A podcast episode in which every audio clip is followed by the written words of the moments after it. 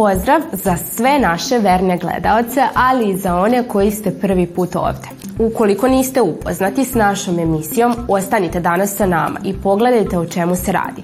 Za vas smo spremili vesti koje su veoma bitne. Saznaćete i naučiti nešto novo, ali očekujte i puno zabave. U današnjoj emisiji pričat ćemo o najtežim i najlakšim predmetima, Disneyevom svetu Frozena, dizanju tegova u rubrici na slovo na slovo sport, kao i, naravno, vremenskoj prognozi. Sigurno ste se nekad susreli sa osjećanjem da neki predmet volite više, a neki manje. To je sve normalno, jer svi imamo različite interesovanja, ali svakako u školi se svi predmeti moraju podjednako učiti. Zato smo vas pitali koji predmeti su vama teški, a koji laki i kako izlazite na kraj sa ovim težima. Moj najteži predmet mi je matematika, pošto ne znam baš dobro da množim.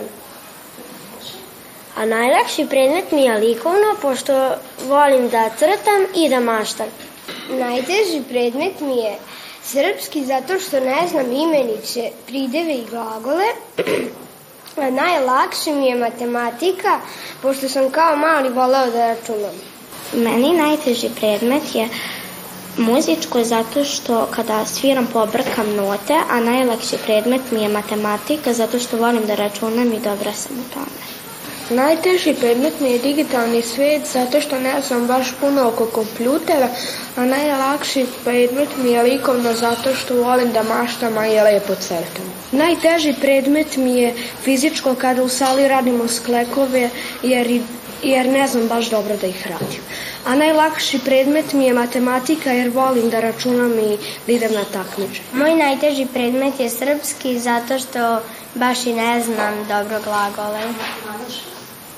A najlakši predmet mi je matematika zato što znam dobro da računam.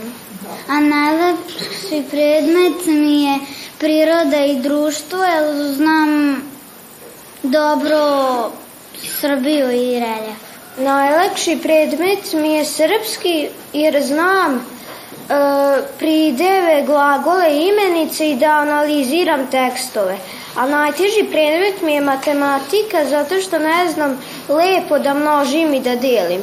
Najteži predmet mi je priroda i društvo zato što ima mnogo nepoznatih riječi iz prošlosti. A najlakši predmet mi je matematika zato što volim da sabiram i oduzimam brojeve. Ako još niste saznali najnoviju vest da se u Hong Kongu otvorio veliki Disneyland, tačnije Disneyev tematski park pod nazivom Svet Frozena, mi ćemo vam ispričati sve o tome. Da, dobro ste čuli. Zavalite se i pogledajte kako ovaj zabavni park izgleda i šta sve tamo posjetioci mogu videti. Ceo svet je dobio priliku da baci prvi pogled na Disneyev svet Frozena. Ovaj tematski park je samo jedna od novih atrakcija u gradu Hong Kongu. Svet Frozena je prvi tematski park ove vrste koji je ikad napravljen i veoma smo ponosni da je ovo napravljeno baš u našoj zemlji po uzoru na Frozen film. Kako budu ulazili u sam park, gledaocima će izgledati kao da ulaze direktno u crtani film. Cijela ideja realizovana upravo po uzoru na crtani film, a neki od najzanimljivijih atrakcija su Elzina ledena palata, Arandel selo i veliki toranj sa satom. U parku je jedna od najzanimljivijih stvari upravo vožnja Frozen Ever After, gde će svi zainteresovani imati priliku da se voze brodom i uđu u Elzinu palatu. Zaista sam uzbuđena što će posetioci moći da dožive ovo magično iskustvo.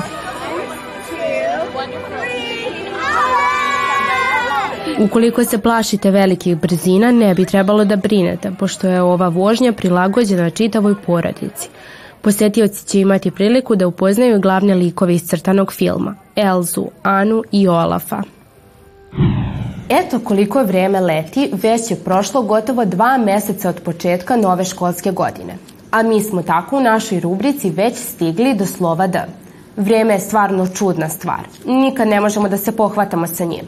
Naš kolega, reporter Miloš Štetin, je ove nedelje posetio trening dizanja tegova. Sledi priča o sportu.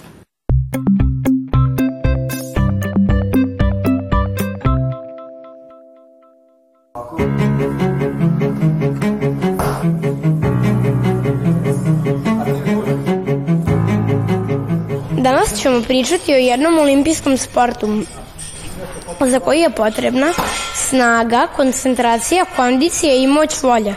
Kako smo došli do slova D, u pitanju je dizanje tegova.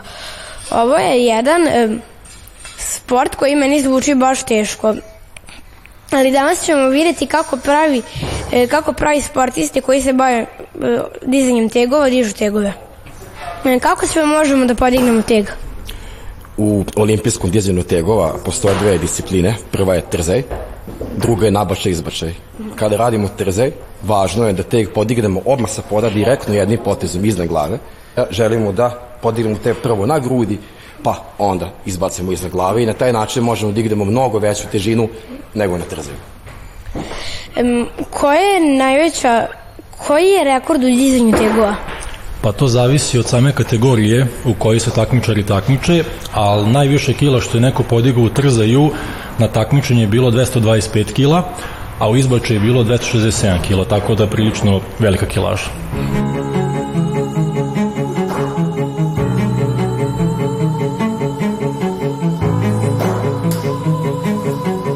Da li je dizanje tegova um, sport na olimpijskim igrama?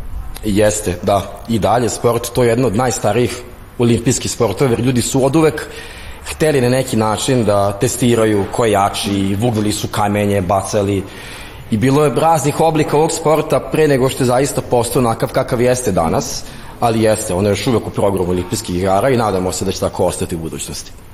Koje, su, koje veštine trebamo da razvijemo da bismo bili bolji u dizanju tegova? Pa prva veština koju treba da razvijem jeste da budemo uporni, da treniramo svakodnevno. Nakon toga naravno treba nam snaga, treba nam brzina, treba nam neka doza eksplozivnosti, treba nam volja, upornost i to bi onako bilo nešto u osnovi. Šta nam je potrebno da bismo bili u dizanju tegova uspešni. E, koliko dugo treba da se vežba dizanje tegova? Koliko dugo treba da se vežba? Pa da kažemo, ako se baš potrudiš i posvetiš, na primjer sada ti, misle za nekih godinu dana da mogu naučiš na osnove neke. Dobro da se krećeš, da budeš hitar, da imaš kontrolu nad tim tegom, nad tim pokretom, ali ti ne bih ja davao još uvek neke velike kilaže, nego bi ušao prvo malo u čitav fazu novog sporta. Tako kažem, aj godinu dana da je dobar početak za dalje.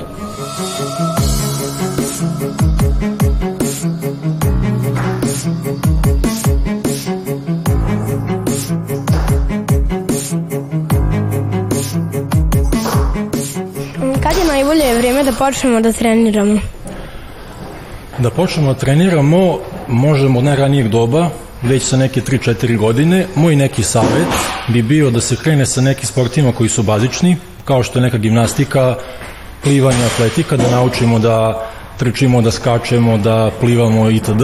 I e, sa dizanjem tegova bi smo mogli da krenemo se bavimo čak i sa nekih 10-12 godina, s tim što ne bismo odmah davali deci tog uzrasta da rade s velikim kilažama, iako moram da kažem to, iako roditelji se plaše da će njihova deca ostati mala, da će se porediti razloga što dižu tegove, to apsolutno nije tačno, tako da mogu i mala deca da treniraju dizanje tegova, naravno shodno njihovim godinama, njihovom trenutnom stanju, njihovoj trenutnoj fizičkoj formi, njihovim sposobnostima, mi kao treneri dajemo određene vežbe, da li je to sa šipkom, sa njihovom sobstvenom kilažom, tako da to je to. Dok smo deca ne možemo se baviti ovim sportom, ali je lepo znati što više o ovom sportu. A, mi se vidimo sledeće nedelje sa nekim novim sportom. Ćao! Naša koleginica je bila veoma vredna ove nedelje, pa je tako pripremila vreme za sutrašnji dan. Sada ćemo saznati kakvo nas vreme očekuje i da li ćemo moći da posetimo igralište.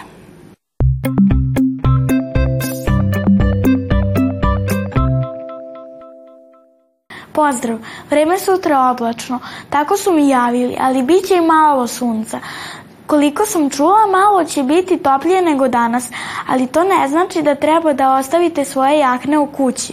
Ponesite ih vi za svaki slučaj. Najbitnije je da budemo dobro pripremljeni i savjetujem vam da se obučete slojevito.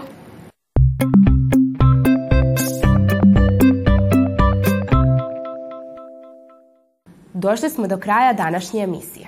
Nadam se da ste se lepo zabavili, mi sigurno jesmo. Ako poželite da se podsjetite neke teme o koje smo danas razgovarali, našu emisiju možete ponovo pogledati na našem zvaničnom YouTube kanalu pod nazivom Dečiji program RTV, gde izlaze emisije svakog dana, kao i na portalu odloženo gledanja. Vidimo se već sutra. Doviđenja!